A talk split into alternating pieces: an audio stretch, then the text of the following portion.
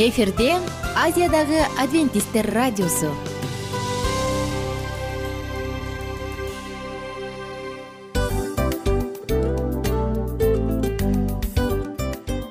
Достор салют.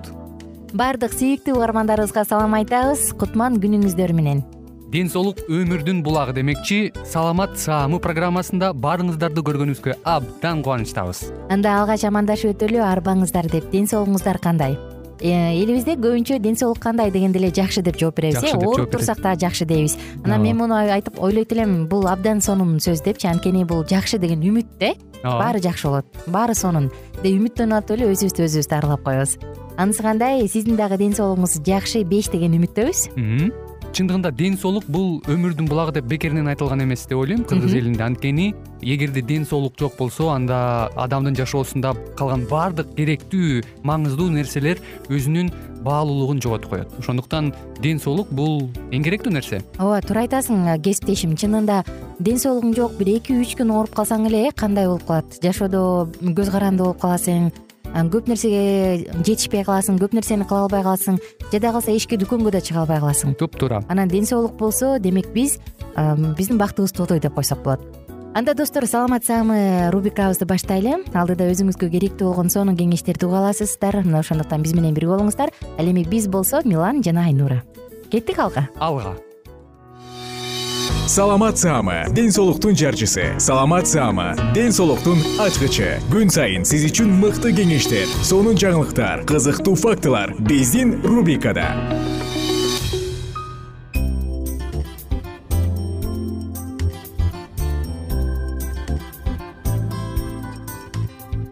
Салам достор. Кандайсыздар? Биздин кадырлуу ардактуу угармандарыбыз жалпы элибизге арбаңыздар деп саламдашабыз тыңдап жатканыңыз саламатсызамы рубрикасы жана бүгүнкү темабыз ич катууга арналмакчы. Ооба мурунку уктурубузда дагы ич катуу жөнүндө сөз кылганбыз. Эмнеден улам келип чыгат анын себеби эмне болушу мүмкүн деп бүгүн дагы бул теманы улантабыз. Мен ич катууга алып келген факторлорго бир аз токтолгум келип турат да. Анткени бул дагы маанилүү э. Эмне себептен ич катып атат? Биринчи кезекте нервке байланыштуу факторлор. Ички органдардын иштөөсүн жөнгө салып туруучу нерв системасына күч келсе анда адамда ич катат. Буга катуу кайгыруу коркуу басынып чүнчүп кетүү күндөлүк режимдин эс алуунун бузулушу жана башкалар керек. Кийинкиси аз кыймылдуулук. Физикалык активдүүлүктүн аз болушу ичегинин иштөөсүн начарлатып ич катууну жаратат.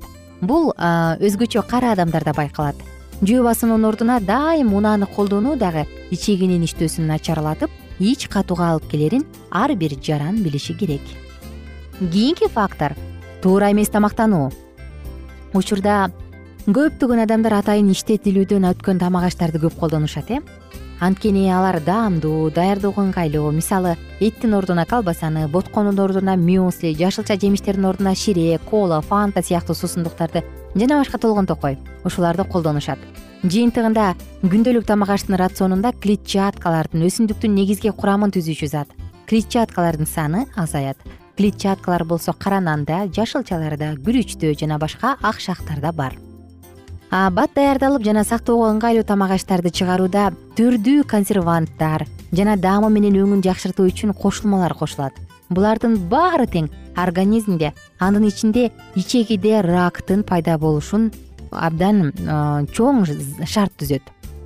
Өнөкөт ич катууда андай зыяндуу заттар организмден чыкпай тескерисинче топтоло берет андыктан тамак ашта мюслини колбаса сосиска шире жумуртка таттууларды азайтыш керек. Бат даярдалуучу гамбургер хот дог консерва сыяктууларды да жана кола фанта суусундуктары менен кошо этти малдын майын дагы азайтуу зарыл. Анткени эт менен малдын майы эң кеч аш болуучу азыктарга кирип ичегиде көпкө кармалып ичегинин иштөөсүн акырындап бузуп ич катууга жана башкага дагы алып келет. Ошондой эле достор ич катпаш үчүн убагында туура тамактануу. Жашылча жемиштер менен кошо ак шактан жасалган ботколорду колдонууну унутпаш керек. Ич катууга бат бат кездешкен кофеден кызыл демделген чайдан шоколад ак нан манна боткосунан жана шараптан баш тартуу зарыл. Ич катууга дагы кандай себеп болушу мүмкүн? Ичегилердин сезгениши мите курттар дисбактериоз көтөн чучуктун жарылып кетиши ичегиде жаранын пайда болушу ичегини сезгентет ичеги бездердин иштөөсүнүн бузулушу богок уйку жыныс бези сыяктуу без ооруларына чалдыккандарда дагы ич катуу күтүлөт. Жана тамекини тартуу баңгизаттарды колдонуу дагы сууну аз ичүү дагы бул нерсеге чалдыктырат. Адам күнүнө жок дегенде эки жарым литр суу ичиш керек экенин унутпаш керек. Бул чай кофе сыяктуу суусундуктар эмес а таза суу. Бүгүн сиздер менен бөлүшө турган смузи жеңилдик деп аталат. Жеңилдик кадимки эле жеңилдик муну бир эле жолу ичкенден кийин сиздин ичеги карныңыз баштапкы абалындай болбой калат дароо өзгөрүлөт. Анан эртең мененкисин баардык жумуштарыңызды аткарып аласыз дагы күлүп жайнап жумушту көздөй кете берсеңиз болот. Бул эффективдүү гана иче алуучу эмес андан тышкары баалуу минералдардын темир кальций сыяктуу с жана б витаминдеринин дагы булагы. Ошондуктан мындай жеңилдик деп аталган смузинин касиетин айтсак иче алуучу минералдаштырат энергетикалык азыктандыруучу антиоксидант жана иче алуучу тазалоочу касиети бар. Достор кызык болуп калдыбы бүгүн ич катууга каршы жеңилдик деп аталган смузини даярдаш үчүн сизге эмне керек? Кеттик анда. Сизге керектүү азыктар ингредиенттер. Эки порция үчүн ар бири эки жүз миллилитрден ошондо бул жарым литр үчүн. Төрт кургатылган кара өрүк ичинде данеги жок төрт кургатылган инжирдин жемиши төрт инжир. Эгерде жаңы инжир бар болгон болсо кургатылбаган анда аны жөн гана чылабай эле жөн эле колдоно берсеңиз болот жууп алып туруп албетте. Бир орточо өлчөмдөгү киви жана бир стакан апельсин ширеси даярдай баштайлы кургак сливаны инжирди бир нече саатка чейин суу куюп туруп үстүнө чылап коюңуз андан соң сливаны кара өрүктү инжирди баардыгын тең ошол суусу менен кошуп блендерге салыңыз кивини кошуңуз эми бирдей масса пайда болгончо аралаштырыңыз. Андан соң ага акырындан апельсин ширесин кошуңуз анан аралаштырып башка ингредиенттерди кошуңуз. Мына достор пайда болгон консистенцияга бир аз суу кошуп койсо болот. Болду. Сонун суусундук даяр. Дагы бир жолу айтсам жаңы жазып алган угармандарыбыз бар болсо жазып алыңыздар. Сизге керектүү азыктар. Төрт кургатылган кара өрүк сөөгү жок данеги жок тагыраак айтканда. Төрт кургатылган инжир. Эгерде кургатылган инжир жок болсо анда жаңы инжир ала бериңиз. Бир киви жана бир стакан апельсин ширеси. Эми болсо сливаны инжирди бир нече саатка сууга чылап коюңуз ошол эле чыланган суусу менен кошо аны блендерге салып кивини кошуңуз дагы бирдей масса пайда болгончо аралаштырыңыз. Ага акырындан апельсин сирешин кошуңуз башка ингредиенттерди кошуңуз. Болду. Пайда болгон консистенцияга суу кошуп койсоңуз болот же ошол бойдон ичсеңиз болот. Мындай жеңилдик деп аталган смузинин курамында с витамини жүз беш пайызын түзөт. К витамини б бир витамини фалат магний б алты витамин кальций жана темир бар. Караңыздарчы бул нерсенин баардыгын сиз сонун смузи менен жагымдуу смузи менен ичип койсоңуз саламаттыгыңыз бекемделет. Достор чындыгында кичинекей балдардын ич катуусун көргөндө жүрөгүң ооруйт э? Ата энелер көбүнчө маани бербейт ии ичи катат а ушундай оорусу бар ичи катат деп коет. Бирок караңызчы мындай ич катуу адамда рак оорусуна чейин чалдыктырат организм өзүн өзү ууландырат заң убагында эшикке чыкпагандыктан ал жоон ичегиде чогула берет дагы канга өтөт кан болсо бүткүл организмди ууландырат ошондуктан ич катуу бар болсо эрте эле коңгуроону кагыңыз. Эрте эле алдын алыңыз эрте эле даярданыңыз. Бул сиздин ден соолугуңуз үчүн зарыл. Сиздер менен коштошом кийинки уктуруудан кайрадан амандашабыз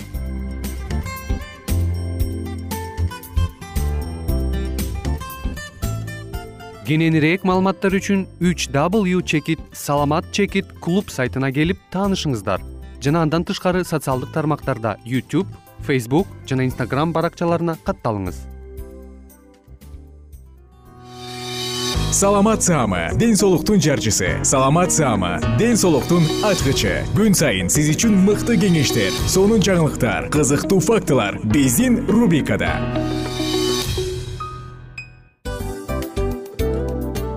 салам достор. Кайрадан биздин сүйүктүү рубрикабызга кош келиңиздер деп айтмакчыбыз. Баардык замандаштарыбызга арбаңыздар деп саламыбызды айтабыз. Улуу ушундай бир урматтаган учурашуу менен анан дил маек радио баракчабызга чакырабыз. Негизи дил маек биздин рубрикабызда эмне жөнүндө кеп кылабыз бул дил маектин мааниси эмнеде рубрикабыз менен кичине тааныштырып кетсеңиз. Сөзсүз түрдө тааныштыра кетейин кесиптешим суранычы боюнча бул учурда бул радио баракчада биз ар тарап кесип ээлеринен сонун кеңештерди алабыз сүйлөшөбүз сырдашабыз. Аталарыбыздын эжелерибиздин апаларыбыздын кеңештерин угабыз айтор. Жан дүйнөгө адамдын э, сапатына адамдын деги эле адам болуп жашашына керектүү баардык кеңештер алдыда. Негизи э, дил маек дегенде баягы эки адамдын ортосундагы сырдашуу кенен сүйлөшүү. Негизи эле биз адамдар бири бирибиз менен бир жерге жай жерге отуруп алып өзүнчө тынч жашоо жөнүндө өмүрүбүздө эмне болуп атканын бөлүшкөнү жакшы көрөбүз э адамдар. Ооба туура айтасың анан мындай учурга кээде убакыт да жетпей келет э? Же болбосо сырыңды кайгыңды муңуңду кубанычыңды айткың келет а адамга ишенбешиң мүмкүн. Ооба. А бул радио баракча угармандарыбыздын чыныгы досу анткени бизден алган кеңеш сиздин жашооңузга чоң жардам берет. Ал эми сиздин бизге айта турган сөзүңүз ортодо гана сыр бойдон калат. Ошондуктан биздин дил маек рубрикабызга дагы бир жолу кош келиңиздер. Жана биз даярдаган маалыматтарга даяр болуңуздар. Айнура жана милан сиздер менен бирге алдыга кеттик ар түрдүү ардактуу кесип ээлеринен алтын сөздөр жүрөк ачышкан сыр чачышкан сонун маек. Дил маек рубрикасында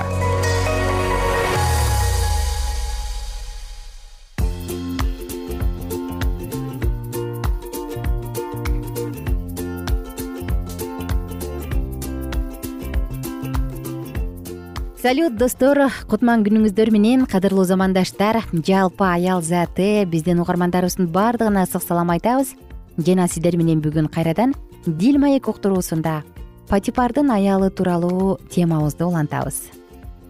Таң калыштуусу анын аялынын аты дагы жазылбаптыр ыйык жазууда ким экени? Анткени мүмкүн аны жазуунун кереги жок деп койгондор мүмкүн баардыгы аны жолдошунун урматы боюнча айткандыр айтор ким билет бир аз эске сала кетсек биз сиздер менен бирге аял жубай жана эне деп аталган китептен сонун циклды улантып жатканбыз. Мында тарыхта из калтырган аял заты тууралуу сөз кылып атабыз. Мурунку уктуруубузда патипардын аялы жөнүндө сөз кылганбыз. Ал абдан бай э, чоң кызматты ээлеген патипардын аялы экендигин анда байлык да бийлик да болгондугу тууралуу сөз кылганбыз. Бүгүн уктурууну улантып жатып э, дагы эске салсак патипардын аялы жусупка уятсыз сунушу менен келет э ал өзүнүн денесин таңуулайт эми жусуп эмне кылат? Андан ары уланталы. Дүйнө жаратылганда кудай эркек менен аялдын денелик жакындашуусу жөнүндө мындай деп айткан. Ошондуктан адам ата энесин таштап аялы менен биригет. Ошентип экөө бир дене болот бул сөздөр аркылуу кудай денелик мамилелерди таза сүйүү жана жубайлык бекем чеп менен биротоло бекиткен. Бир дене болуу деген бул ата энесинин үйүн таштап өз алдынча болуп өз үйүн курган жубайлардан болууну билдирет. Бул шарт аткарылмайынча эркек менен аялдын ортосундагы мамилелер кумар болуп эсептелет. Караңызчы кумар өтүп кетет. Анын ордуна жалгыздык жана уят болгонун сезүү калат. Адам өзүн барган сайын басынта берет ал тынчтык таба албайт. Кумары кыйнагандан кыйнайт уятынан жалгыздыктан качып башкалкалар жайды кумарлардан издей баштайт. Андан соң жүрөккө үрөйдү учурган боштук келет. Кайгынын артынан кайгы басат. Аялдын башына түшкөн кырсыктын чеги болбойт. Жашоосу талкаланып жашоодогу ордун жоготот ал мындай абалдан чыгуу жолун эч жактан эч нерседен таба албайт. Денелик кумарларга азгырылуунун чеги жок түгөйгөйлөрдү пайда кылгандыктан аларды чечүүгө таптакыр мүмкүн эмес болуп калат. Жусуп бул азгырыктын коркунучтуулугун дароо сезди. Ал абалга туура баа берип анын күйөөсү патипарды сыйлаарын айтты. Бирок аны күнөөдөн сактай турган эң күчтүү аргумент бул кудайдан коркуусу эле. Кантип мен ушундай жаман ишти кылып кудай алдында күнөөгө батам ойноштук жана жубайынын көзүнө чөп салуу кудай алдында күнөө экенин жусуп эң сонун түшүнөт э? Бул кудайдын алдында жийиркеничтүү кийинчерээк кудайдын муса аркылуу берген осуяттарында ойноштук кылуунун жазасы өлүм экени дагы айтылган. Кудай адамды чектебейт. Ал аны жердеги өзү бере турган эң чоң белегинен ажыраткысы келбейт. Ал адамга андан да чоң андан да жогорку бакытты бергиси келет. Ал аны адеп ахлаксыздыкка алып келе турган күнөөдөн сактагысы келет. Адеп ахлаксыздык тозоктон чыга турган өлүмгө дөшөр дуушар кылган куралдардын бири. Бул жолго түшкөн адам өзүн өзү жок кылат. Жусуп болсо албетте мунун баарын түшүнгөн. Ал осуяттарды окугандыктан эмес кудай менен сүйлөшүүдөн улам билет. Мунун кудайга жакпай турганын билет ал эми бирөөнүн аялы менен ойноштук кылган адамдын акылы жок. Мындай кылган адам өз жанын өлтүрөт. Ал токмок да жейт абийири да кетет маскара болгону унутулбайт. Жусуптан көп жыл кийин жашап кеткен сулайман ушинтип айткан э бирок бул чындыкты жусуп ошондо эле билчү. Патипардын аялынын жоругу кечирилгис ал ысрайылдын кудайын билбесе дагы анда моралдык негиздер болушу керек эле да бирок ал кудайды дүйнөнү жаратканда адамга берген жашоо осуятын бузду. Бул анын жусуптун каршылык көрсөткөнүнө кылган мамилесинен көрүнүп турат. Ал чындыкты бурмалап өзү кылгысы келген күнөөнү жусупка шылтай салды. Жусуп болсо моралдык тазалыгын далилдей дароо качып кеткенде аял жусупту жаманатты кылыш үчүн жалган айтууга аргасыз болду. Ал мырзанын аялы болгондуктан жусупту маскара кылууга жашоосун биротоло талкалоого ысымына көө жабууга бийлиги бар аял муну кылуудан уялган жок. Жусуптун башына болсо оор күндөр келди. Анын алдында көп жылга түрмөгө камалуу коркунучу турду. Ал өзүнө жабылган жалган жалаага таң калды. Патипар аялынын айткандарына анча ишене бербесе дагы болбосо ал жусупту дароо эле өлтүрүп салмак э? Болгон ишти териштирбей койгондуктан жусуп өзүнүн алданганын сезди. Таң калыштуусу жусуп налыган жок ал патипардын үйүнүн дубалдары кудайдын батасынан ажырата албагандай эле түрмө дубалдары да батадан ажырата албай турганын билди. Ал кудайдын ырайымына үмүттөнүп жүрүп акыры кудайга жана мырзасына ишенимдүү болгондугу үчүн сыйлык алды. Кандай гана улуу сыйлык эле ал ээ достор. Ал мисирдеги эң жогорку кызматты фараондон кийинки орунду ээледи мисир элин жана өз бир туугандарын ачарчылыктан аман алып калды. Жусуп эмес патипардын аялы зыян тартты. Ал жөнүндө библияда башка эч нерсе айтылган эмес бирок бул мисал бизге эскертүү болуп саналат. Анын күнөөсү башкалардын күнөөсүнөн чоң болгондугу үчүн эмес ал тобо кылып кечирим суробагандыгы үчүн эскертүү. Ал кудайга кош көңүл эле. Эгерде ал кудайга кайрылса ал анын жашоосун маңыздуу кылып кубаныч тартууламак. Жусуп аркылуу кудай ага жакын келген ал ага денелик кумарларына каршы турууга күнөө кылуу ойлорунда пайда болуп келе жатканда эле аларды жеңгенге жардам бермек. Эгерде жусуп каршылык көрсөтөр замат ал табынган кудайды издей баштаса башына түшө турган көп кыйынчылыктардан кутулмак. Бул аялга окшогондор жөнүндө бекерчилик баардык күнөөлөрдүн энеси деген макал бар. Патибардын аялы эң кымбат белектердин бири болгон убакытты ойлонбой өткөргөн. Максатсыз жана маңызсыз жашоо күнөөлүү ойлордун пайда болушуна түрткү берген кошулат болушуңуз керек э? Адам канчалык бош болсо ошончолук анын эңсегени күч алат эмеспи мына ушул себептен караңызчы бекерчилик дейт. Бул баардык күнөөлөрдүн энеси дейт. Эмгектенгенге үйрөнөлү жана эң башкысы жаратуучу бизге батасын бере алгандай жашоо менен жашайлы. Сиздер менен коштошом кийинки уктуруудан кайрадан амандашканча сак саламатта туруңуздар. Күнүңүздөр көңүлдүү улансын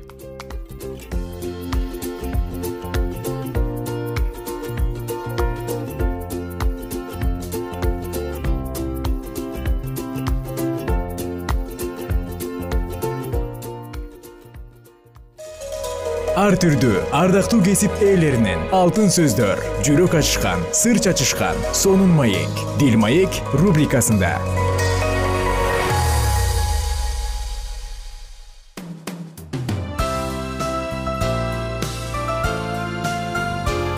Эфирде азиядагы адвентисттер радиосу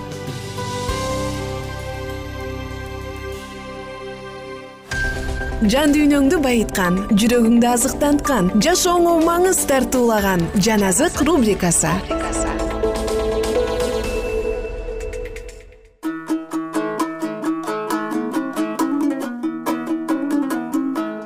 Кымбаттуу угармандар жалпыңыздар менен жаназык уктуруусундабыз. Жана сиздер менен бирге биз кайрадан жаназык уктуруусунда инжил китебинен орун алган элчилердин иштери деп аталган китепти андан ары окууну улантабыз бир аз эске сала кетсек мурунку уктурууда биз пабылды ареопага алып келип сени күтүп жүргөн жаңы окутуу эмне деген окутуу экенин билсек болобу деп таң калып сурашкандарын айтканбыз эсиңизде болсо. Эми пабыл аларга өзүнүн түшүндүрмө сөздөрүн айта баштаган.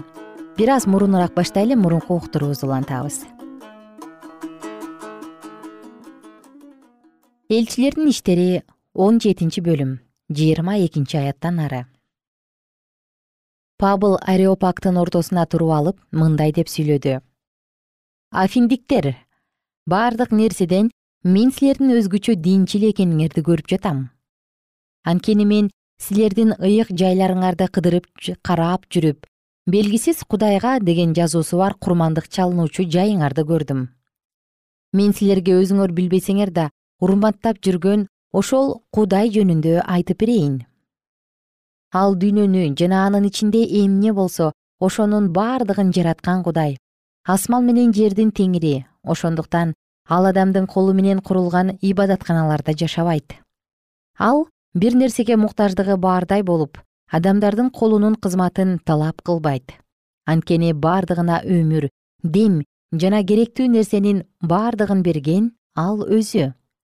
Бүт жер жүзүндө жашасын деп ал бир адамдан бүткүл адамзатты жаратты. Адамдар үчүн мезгилдерди жана жашай турган жерлерди белгиледи. Адамдар кудайды издешсин деп аны сезишээр бекен табышаар бекен деп ал ушундай кылды. Бирок ал ар бирибизге жакын. Анткени биз ал аркылуу жашап жатабыз. Ал аркылуу кыймылдап жүрөбүз. Ал аркылуу бар болуп турабыз бул жөнүндө силердин кээ бир акындарыңар биз анын тукумубуз дешкен. Эгерде биз кудайдын тукуму болсок анда кудайды адамдын чыгармачылыгы же тапкычтыгы менен алтындан же күмүштөн же таштан жасалган кандайдыр бир буркан деп ойлобошубуз керек. Ошондуктан кудай биздин билбестик кылып жүргөн убакыттарыбызды эсине албастан азыр бардык жерде бардык адамдарга тобо кылууну буйруп жатат анткени ал бир күндү белгилеп койду. Ошол күнү ааламды өзү алдын ала белгилеп койгон адам аркылуу адилеттик менен соттойт. Аны өлгөндөрдүн арасынан тирилтүү менен ал муну бардык адамдарга далил катары көрсөттү. Өлгөндөрдүн тирилери жөнүндө угушканда кээ бирөөлөр шылдың кылышты кээ бирөөлөр болсо биз бул тууралуу сенден башка жолугабыз дешти ошондо пабыл алардын арасынан чыгып кетип калды. Бирок кээ бир эркектер аны ээрчип жүрүп ыйсага ишенип калышты. Алардын арасында ареопак кеңешинин мүчөсү диоднисий дамар деген аял жана башкалар дагы бар эле. Элчилердин иштери он сегизинчи бөлүм. Ошондон кийин пабыл афинден чыгып корунт шаарына келди. Ал жерден ал акила деген понттук бир жүйүткө жолукту клавдий бүт жүйүттөргө римден чыгып кетүүнү буйругандыктан ал аялы прискила менен жакында эле италиядан келген эле. Пабыл алардын үйүнө барды. Ал акила менен кесиптеш болгондуктан алар менен жашап чогуу иштей баштады. Алар чатыр жасашчу. Пабыл ишемби сайын синагогада сүйлөп жүйүттөр менен эллиндерди ыйсага ишендирүүгө аракет кылып жатты. Сылас менен тиметей македониядан келишкенден кийин пабыл өзүн жакшы кабар таратууга толугу менен арнап жүйүттөргө ыйсанын машаяк экендигин күбөлөндүрө баштады. Бирок алар каршы чыгып жаман сөздөрдү айтышкандыктан ал өзүнүн кийимдерин силкип аларга мындай деди. Өз каныңар өз мойнуңарда мен тазамын мындан ары бутпарастарга барам ошентип пабыл синагогадан чыгып кудайды урматтаган жуст деген бир кишинин үйүнө келди. Анын үйү синагоганын жанында эле. Синагоганын башчысы криспос бүт үй бүлөсү менен теңирге ишенип калды. Пабылдын сөзүн уккан көптөгөн корунттуктар да ыйсага ишенип сууга чөмүлүштү. Бир түнү теңир пабылга көрүнүш аркылуу мындай деди. Коркпо айта бер унчукпай калба.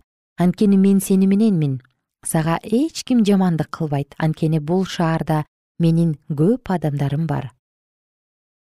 Ошондо пабыл ал жерде бир жыл алты ай калып аларга кудайдын сөзүн үйрөттү.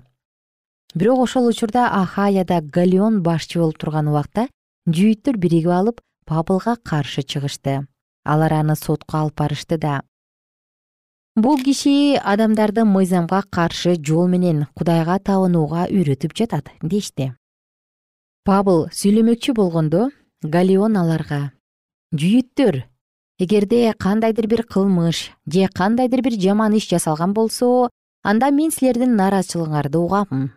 Бирок окутуу жөнүндө ысымдар жөнүндө өзүңөрдүн мыйзамыңар жөнүндө сөз болуп жаткандыктан өзүңөр териштиргиле. Мен бул иште сот болууну каалабаймын деди ошентип галеон аларды сот болуучу жайдан кууп чыкты. Алар чогулуп синагоганын башчысы состенди кармап алып соттун алдында сабап салышты. Бирок галеон буга көңүл бөлгөн жок. Пабыл корунта дагы бир нече күн болгондон кийин бир туугандар менен коштошуп прискила жана акила менен бирге сирияга сүзүп кетти. Сүзүп кеткенге чейин ал кинхерия шаарында чачын кырктырды анткени анын назир болууга берген убадасынын мөөнөтү бүтүп калган эле. Эфес шаарына келишкенде пабыл аларды ушул жерге калтырды. Өзү болсо синагогага кирип жүйүттөр менен сүйлөштү. Анан алар андан көбүрөөк убакытка калуусун өтүнүштү бирок ал макул болбой алар менен коштошууда. Жакындап келе жаткан майрамды сөзсүз иерусалимде өткөрүшүм керек. Эгерде кудайдын каалоосу болсо силерге кайрылып келем деп эфестен кемеге отуруп жөнөп кетти. Акила менен прискила болсо эфесте калышты кемеден кейсарияга түшүп калып иерусалимге келди. Ал жердеги жыйын менен көрүшкөндөн кийин антиохияга жөнөп кетти. Антиохияда бир нече убакыт болгондон кийин жолун улантты. Галатия жана фригия өлкөлөрүн аралап бардык шакирттердин ишенимин бекемдеп жүрдү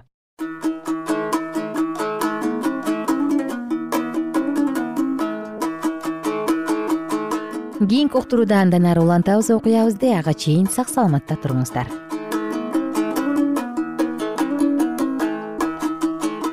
Эгер сиздерде суроолор болсо же көбүрөөк маалымат билем десеңиз анда биздин whatsapp номерибизге жазыңыз. Плюс бир үч жүз бир жети жүз алтымыш алтымыш жетимиш. Кайрадан плюс бир үч жүз бир жети жүз алтымыш алтымыш жетимиш